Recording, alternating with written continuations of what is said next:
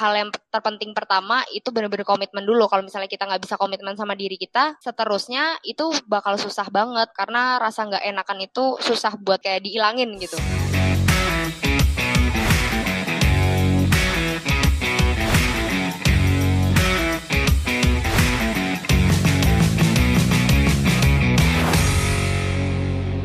Hello Burs, welcome back to Bit Talk Bursa Talking. Di sesi kali ini kita bakal ngebahas tentang mental health nih Burs, khususnya tentang healthy bundaris. Di sini um, aku sebagai podcaster nih, sebelumnya aku mau kenalan dulu. Jadi nama aku Eka Yuli Winari, aku juga merupakan pengurus di UKM Kewirausahaan Bursa di subbidang pengembangan sumber daya anggota. Nah, di sini aku juga nggak sendirian nih. Di sini aku ditemani sama Mbak Diajeng. Halo Mbak Diajeng. Halo Eka, halo Burs, aku mau kenalan ya, nama aku Diajeng Sekarwangi, aku uh, pengurus juga nih di bursa, aku dari bidang sekretaris. Di sini aku mau nemenin Eka buat ngobrol-ngobrol tentang mental health. Oke, makasih Mbak Ajeng buat perkenalannya. Um, BTW di sesi ini tuh kan kita ngebahas tentang healthy bundaris. Tapi aku tuh masih bingung tahu Mbak Ajeng, healthy bundaris tuh sebenarnya apa sih? Kira-kira apa ya Mbak Ajeng? Mungkin Mbak Ajeng bisa ngasih tahu aku tentang healthy bundaris. Uh, sebelum kita masuk ke healthy bundaris, mungkin kita harus ngebahas tentang mental health dulu nih, soalnya ini tuh punya keterkaitan antara satu sama lain. Nah, mental health itu apa sih? Mental health itu keadaan seseorang yang terkait sama kondisi mental dan kondisi emosi yang dialamin. Nah, kalau masalah healthy boundaries itu tuh batasan yang merupakan hubungan yang sengaja dibangun tuh antara diri kita sendiri dengan orang lain di sekitar kita. Nah, baik hubungan pertemanan atau hubungan dengan pasangan. Nah, dalam arti ini berarti kita itu memberikan sebagian ruang di hidup kita buat orang lain nih. Nah, kuncinya di sini. Kita itu cuman ngasih sebagian ruang aja buat orang lain itu boleh masuk ke hidup kita dan bukan kita tuh uh, nyerahin sepenuhnya hidup kita ke orang lain. Gitu. Terus contohnya tuh kayak gini loh. Eka, kalau misal ya, kan kita tuh di lingkungan kampus nih, lingkungan perkuliahan. Pasti kan kita kan banyak yang harus dikerjain, entah itu kegiatan organisasi ataupun kegiatan kampus. Maksudnya itu tugas-tugas. Itu kan karena banyak, pasti seseorang itu bakalan ada di titik yang kayak, ih aku kewalahan nih kalau ngerjain semuanya ini sendiri. Nah akhirnya karena kewalahan itu timbul tuh rasa kayak pengen aku harus minta tolong nih biar aku bisa survive dan bisa seenggaknya itu nyelesain semuanya ini gitu semua yang harus dia kerjain nah di sini tuh yang bikin beda itu kalau orang minta tolong kita harus tahu batasannya. Kalau minta tolong itu sewajarnya aja gitu jangan terus menerus. Nah kalau terus menerus itu lebih ke arah kayak meneror ya bukan minta tolong gitu. Kalau minta tolong kan beberapa kali aja dan kita harus lihat orang yang kita minta tolongin itu tuh berkenan nggak buat ngasih sebagian waktunya buat menanggapi permintaan tolong kita gitu. Dari kamu sendiri pernah nggak sih kak ngalamin kayak gini? Ada temen yang minta tolong tuh tapi terus menerus gitu kayak meneror, meneror hidup kita jadi kita sendirinya nggak tenang dan malah mengesampingkan urusan kita. Kamu pernah nggak sih kak kayak gitu? Oh gitu ya, oke oke oke. Jadi healthy bundaris tuh tentang kayak kita nggak enakan gitu ya mbak intinya ya mbak? Iya, kita tuh kayak jadi takut buat nolak atau ngomong enggak gitu ke permintaan tolong orang lain. Padahal ngomong enggak atau nolak itu kan sah-sah aja. Ini kan hidup kita, pilihan kita. Dan orang lain tuh nggak punya andil besar di hidup kita sebenarnya. Kalau dari kamu gimana? Pernah nggak sih ngalamin kayak gitu? Ih, aku tuh sering banget tau mbak, apalagi tuh, aku tuh termasuknya masuk ke kategori orang yang gak enakan gitu. Jadi kadang tuh misalkan ada temen yang minta tolong ke aku, aku tuh kayak susah banget gitu buat bilang enggak. Kayak, iya boleh, iya boleh. Sampai akhirnya tuh aku kewalahan gitu. Kalau dari Mbak Diajeng pernah ngalamin juga Mbak? Pernah sih pastinya, tapi kalau aku uh, lebih ke tipe yang aku berani nolak kalau aku emang gak mau menolong dan karena aku mempertimbangkan urusanku tuh yang lain jauh lebih penting ya. Jadi aku lebih ke tipe orang yang bisa nolak sih gitu. Wah keren banget Mbak Jeng. Iya aku pengen banget dia bisa kayak Mbak Jeng. Oh iya Mbak. Di talk kali ini kita bareng siapa sih Mbak? Apa kita ngobrol berdua doang nih? Wah, nggak mungkin. Kalau kita cuma ngobrol berdua ntar nggak terkupas sampai ke akar-akarnya nih pembicaraan kita. iya benar, uh, apalagi aku ini nggak enakan ya mbak, astaga. Iya, kayaknya harus manggil pembicara yang bisa dijadiin role model deh dalam ngebangun healthy boundaries ini. Nah, apa kita panggil aja nih pembicaranya nih sekarang? Boleh, boleh. Ayo. Bareng ya, manggilnya bareng ya. Satu, okay, okay dua, tiga. tiga. Halo. Halo.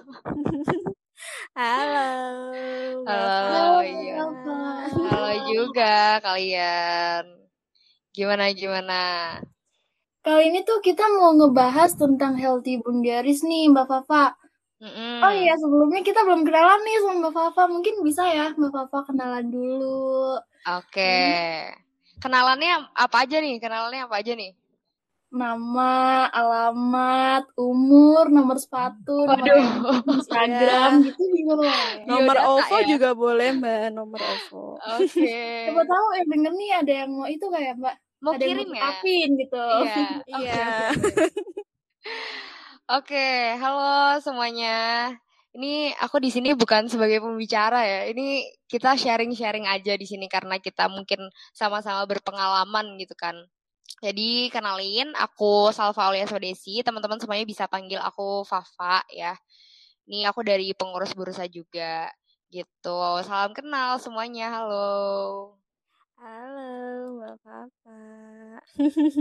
gimana gimana? Halo, Mbak Fafa. Kalau dari yang tadi kita udah bahas kan kita ngasih itu ya mbak pengalaman masing-masing tentang mm. kita yang dapat permintaan tolong dari temen tapi permintaan tolongnya itu kayak neror loh terus menerus kalau dari mbak Papa pernah nggak sih mbak ngalamin kayak gitu? Oke, okay. Kalau dari aku sih pasti pernah banget ya, nggak mungkin orang-orang tuh nggak pernah gitu kan. Apalagi aku dulu tuh salah satu orang yang nggak enakan juga nih kayak Eka gitu kan. Kalau misalnya Eka kan sampai sekarang nih, kalau misalnya aku tuh dulu emang orangnya nggak enakan gitu. Jadi pengalaman-pengalaman seperti itu tuh banyak banget sih dulu gitu. Wah, pasti ini ini nggak sih Mbak rasanya kayak terbebani banget gitu apa gimana sih Mbak? Aduh, Kalo... banget. jadi kayak uh, mengesampingkan prioritas kita sendiri mm -hmm. ya sih bener iya bener banget jadi kita emang nggak bisa apa ya uh, kita tuh malah jadi prioritasin orang lain gitu bukan prioritasin diri kita sendiri iya mbak kayak gitu kan bahaya ya ini kan hidup kita harusnya kita yang punya andil paling besar di situ nah kalau yes. kita udah uh, memprioritaskan orang lain tuh waduh susah juga ya Mm-mm, Apalagi orang lain tuh belum tentu ini kan kalau kita lagi butuh juga belum tentu mereka ada. Mau gitu, gitu kan? Iya, bener banget. Hmm. Iya. Oh iya Mbak, kalau boleh tahu tuh Mbak Fafa dulu kan pernah gak enakan ya? Mm-mm. Boleh spill nggak nih um, satu hal yang pernah Mbak Fafa alamin gitu terkait Mbak gak enakan ini dalam hal apa sih Mbak? Kalau boleh tahu. Oke, dalam hal ini kayaknya mungkin banyak sih orang yang ngerasain ini dalam hal tugas sih pasti ya. Jadi kayak ibaratnya uh, mungkin enak sih kalau misalnya kita ada timbal balik gitu ya sama teman kita misalnya. Aku sama si A kayak aku minta tolong si A buat uh, apa namanya kayak share jawaban tugas dan lain sebagainya. Terus si A juga minta tolong ke aku kan juga itu kayak simbiosis mutualisme gitu kan. Tapi kadang malah uh, di aku yang berat gitu. Mungkin kayak uh, teman-teman aku malah minta mintanya tuh terus ke aku. Ada satu orang ya satu sampai dua orang lah nggak banyak ini yang benar-benar mereka nggak pernah bantu aku mungkin ya ngeras aku ngerasanya sih gitu. Tapi mereka malah yang ngececer aku terus gitu. Dan apa pun deh selain tugas tuh banyak lah bantuan-bantuan apa ya mereka minta bantuan ke aku tapi aku dulu nggak iyain terus gitu. Ya lama-lama ya aku capek sendiri sih gitu. Ya sih mbak pasti sih. Hmm. orang uh, ngurusin diri kita sendiri aja belum tentu selesai kan iya. tugasnya apalagi ngurusin orang lain mm -mm. Iya. jadi tambah beban sih beban banget sih itu. Tapi kalau sekarang gimana nih Mbak? Mbak Papa udah sembuh dari rasa ketidakenakan Waduh. itu? sembuh atau, ya? Atau masih berkubang di dalamnya? Gimana nih? Oke, okay. kalau kata sembuh sih mungkin belum 100%, tapi udah uh, lebih baik lah, alhamdulillah ya. Karena uh, aku ngerasain gimana rasanya dulu aku nggak enakan dan sekarang aku bisa say no dari uh, orang-orang yang minta tolong, maksudnya kayak terlalu apa ya, terlalu menggantungkan diri mereka ke aku, itu perbedaannya menurut aku signifikan banget sih. Maksudnya sekarang aku buka bukan egois, tapi aku lebih kayak tahu mana sih batasan diri aku kayak gitu. Oh, oke okay, oke okay, oke. Okay. Oh ya Mbak, kalau berarti tuh waktu dulu awal-awal nih, awal-awal Mbak Fafa kayak berani buat bilang enggak gitu. Gimana sih Mbak rasanya? Apa ngerasa nggak enak kah atau tersiksa kah? Gimana sih Mbak? Kalau rasa tersiksa sih kayaknya kayaknya mungkin ya lumayan sih. Karena kan ya gimana sih kalau misalnya kita orang nggak enakan dan harus ngebilang enggak sama temen mungkin temen dekat ataupun teman kita itu pasti adalah rasa kayak aduh gimana ya? Aduh gimana ya kepikiran gitu kan.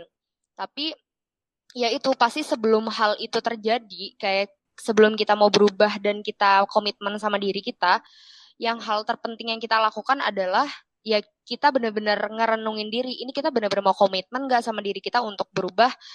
Uh, kita lebih tahu terkait personal boundaries kita ya. Kan maksudnya healthy boundaries di sini kan kalau buat diri kita sendiri ya namanya personal boundaries gitu. Jadi gimana diri kita tuh tetap bisa menjaga batasan yang sehat dengan yang lain? Dan kalau menurut aku sih hal yang terpenting pertama itu benar-benar komitmen dulu. Kalau misalnya kita nggak bisa komitmen sama diri kita seterusnya itu bakal susah banget gitu. Karena rasa nggak enakan itu susah buat dianjurin eh bukan anjurin sih kayak diilangin gitu. Gitu. Oke berarti um, kuncinya ini komitmen ya.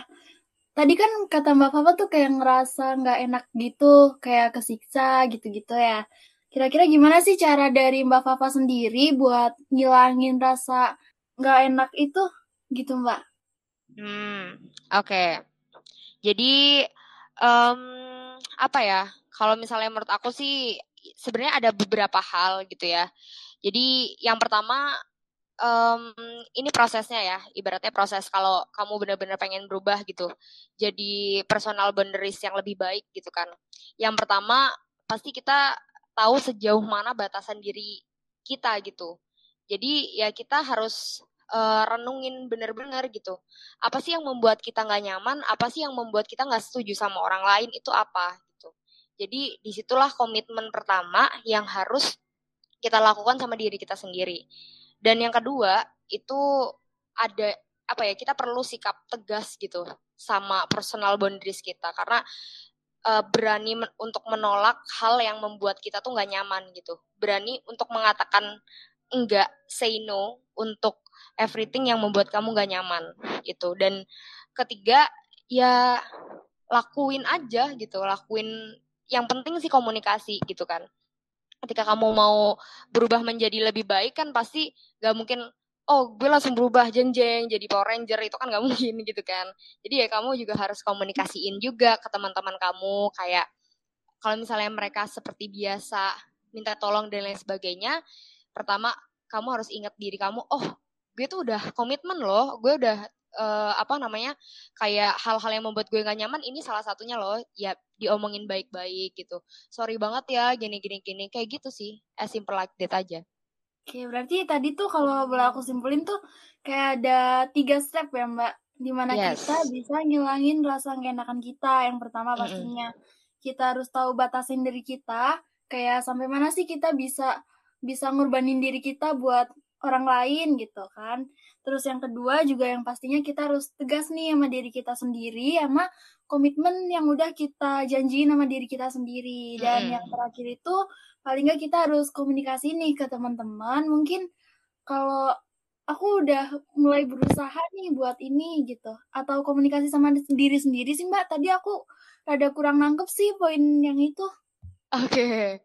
jadi kalau poin yang ketiga itu ya cuman just do it aja tapi ibaratnya just do it ini ketika kamu akan melakukan suatu penolakan, kamu komunikasi ke teman kamu tuh dengan cara baik-baik aja gitu. Jangan gak ngomong ngomong ngomong langsung ngejauhin tuh jangan. Yang penting ngomong baik-baik aja gitu. Oke, jadi intinya tuh just do it tapi tanpa tanpa cara tanpa pakai cara yang gak enak gitu ya mbak mm -hmm, bener banget iya nih wah keren banget ini mah uh, tips and trick dari mbak Fafa buat membangun uh, healthy boundaries itu ya. Jadi guys tuh dengerin intinya itu kita harus punya komitmen dan konsisten ya mbak. Karena iya. kalau karena kalau uh, rasa nggak enakan itu pasti akan selalu muncul. Kalau setiap ada yang minta tolong dan kita tolak, pasti rasa itu balik lagi, balik lagi dan balik terus. Nah kalau mm -hmm. udah komitmen dan konsisten, kita pasti nanti ke depannya bakalan terbiasa sendiri. Nah, Mbak, aku di sini mau ini dong, mau minta Apa pendapatnya. Uh, meminta pendapat Mbak Fafa nih. Apa tuh? tentang orang kalau udah nerapin healthy boundaries ya itu tuh suka dianggap ini loh sama teman-teman lain eh sekarang dia tuh egois tau dia tuh sekarang Eh, nggak uh, mau ngebantu temennya lagi gitu.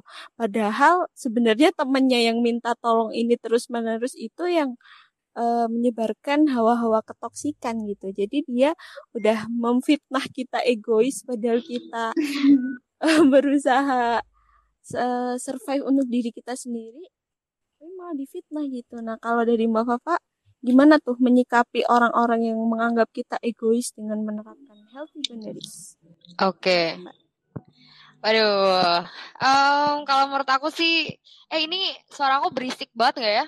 Kedengeran berisik banget nggak? Aman kok mbak, aman. Aman, aman ya? Aman. Oke. Okay. Ya. Oke, okay. Kalau menurut aku sih hal kayak gitu tuh nggak usah kita pikirin gitu. Gak usah pedulin aja kalau misalnya kita emang dari awal udah komitmen, udah bener-bener tegas sama diri kita sendiri, hal kayak gitu tuh hal yang kecil banget lah buat kita gitu. Karena menurut aku nih, personal boundaries itu malah akan memberikan kesejahteraan dan kesehatan mental bagi kita gitu terutama. Karena kalau misalnya kamu nggak punya personal boundaries antara kamu sama mereka, nantinya kayak ibaratnya nih ya, ibaratnya simpelnya uh, apa ya, kamu itu kayak membiarkan pintu rumahmu tuh nggak kekunci gitu. Jadi orang lain bakal bisa masuk ke rumahmu seenaknya gitu kan. Jadi ibaratnya kalau misalnya mereka mikir kita egois dan lain sebagainya, ya kita juga punya privacy gitu.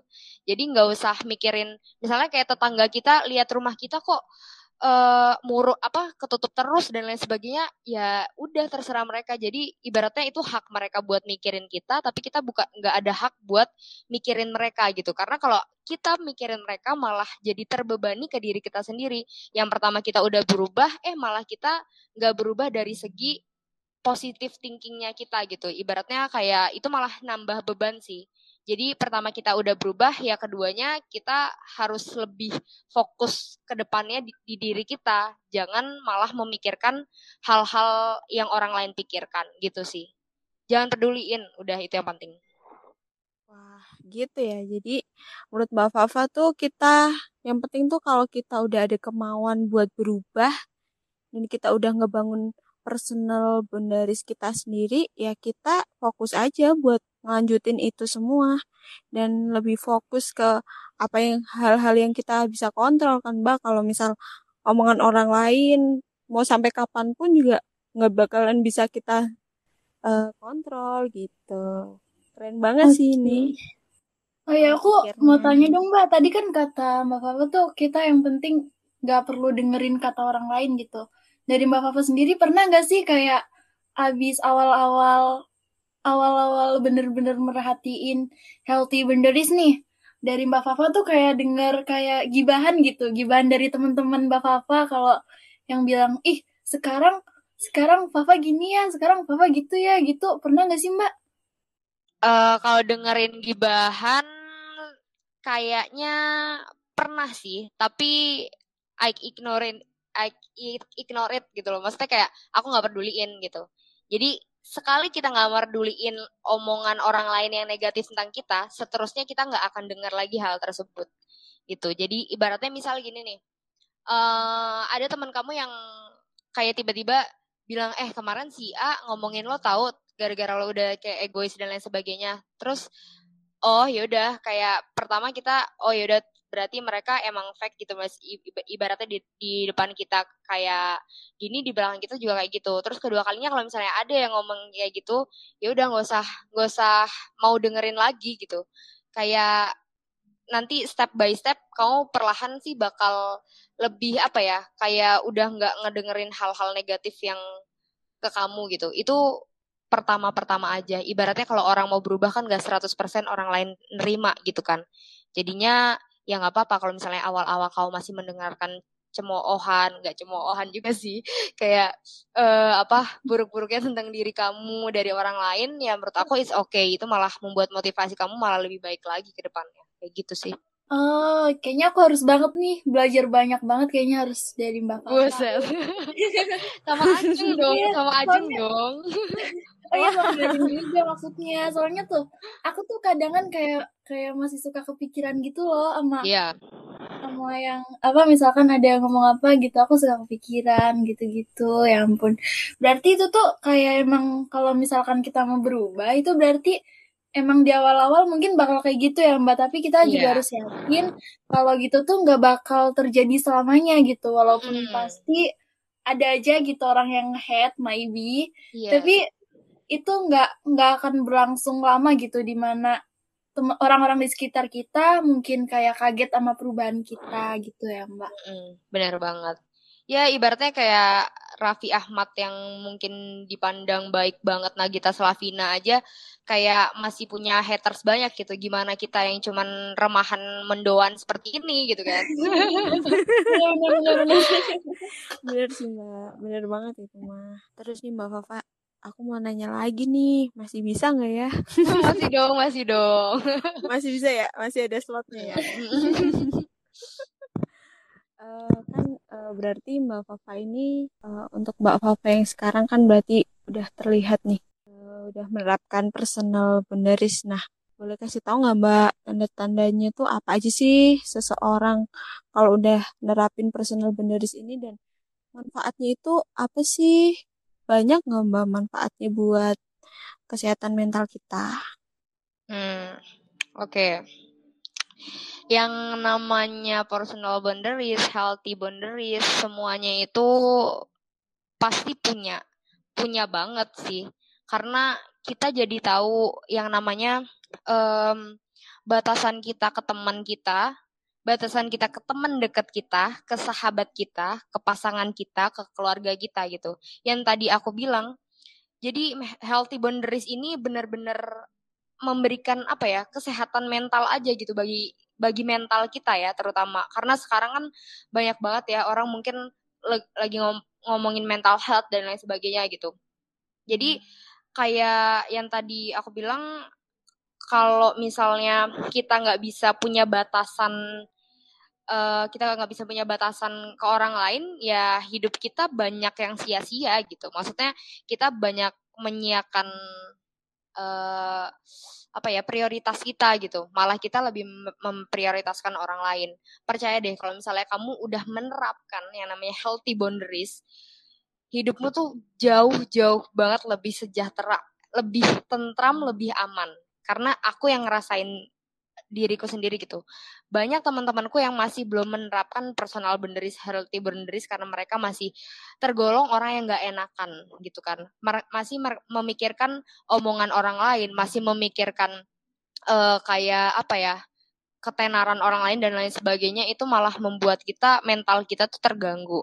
Dan kalau misalnya kamu benar-benar menerapkan hal ini, healthy boundaries ini, 100% deh percaya sama aku ini jauh lebih aman gitu. Jauh lebih tentram lah hidup kita kayak gitu, Jeng. Oke, wah banyak banget ya Mbak manfaatnya apalagi dari segi ini kesehatan mental kita. Soalnya kan kesehatan mental ntar ada ngaruhnya juga ya kesehat ke kesehatan fisik kita, ya kan Mbak? Yes, benar banget. Oke, oke. Berarti kan, um, oh ya, menurut Mbak Fafa tuh tanda-tanda orang yang emang benar-benar udah menerapkan apa tadi personal boundaries ya? Healthy boundaries. Iya, healthy boundaries. Sorry, Mm-mm. sorry. Healthy boundaries tuh gimana sih, Mbak? Oh, oke. Mereka jadi lebih tegas sama diri mereka sama orang lain.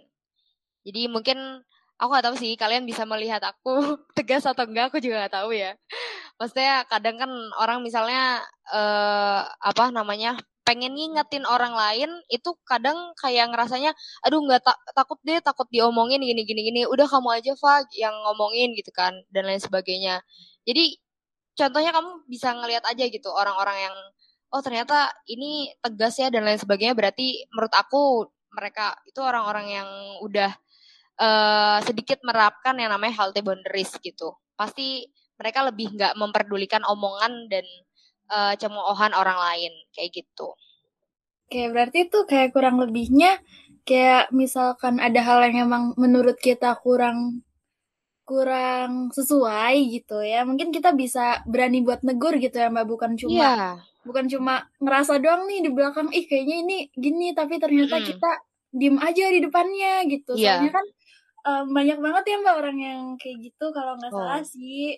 Kalau Mm-mm, yang jelas tuh iya Gitu. banyak banget sih Oke, menurut Mbak Fafa nih, tadi kan udah udah kelihatan tuh orang-orang yang tegas tuh biasanya mereka healthy boundaries-nya nih udah bagus gitu. Dan sementara tuh di sekitar kita mungkin ya termasuk aku gitu kan masih banyak nih orang-orang yang masih suka nggak enakan, mungkin healthy boundaries-nya masih kurang gitu. Kayak apa-apa susah buat nolak gitu. Menurut Mbak Fafa, eh, nasihat apa sih yang Mbak Fafa kasih ke aku gitu loh biar biar akunya tuh nggak terus-terusan kayak gini gitu loh Mbak. Two, three, funky.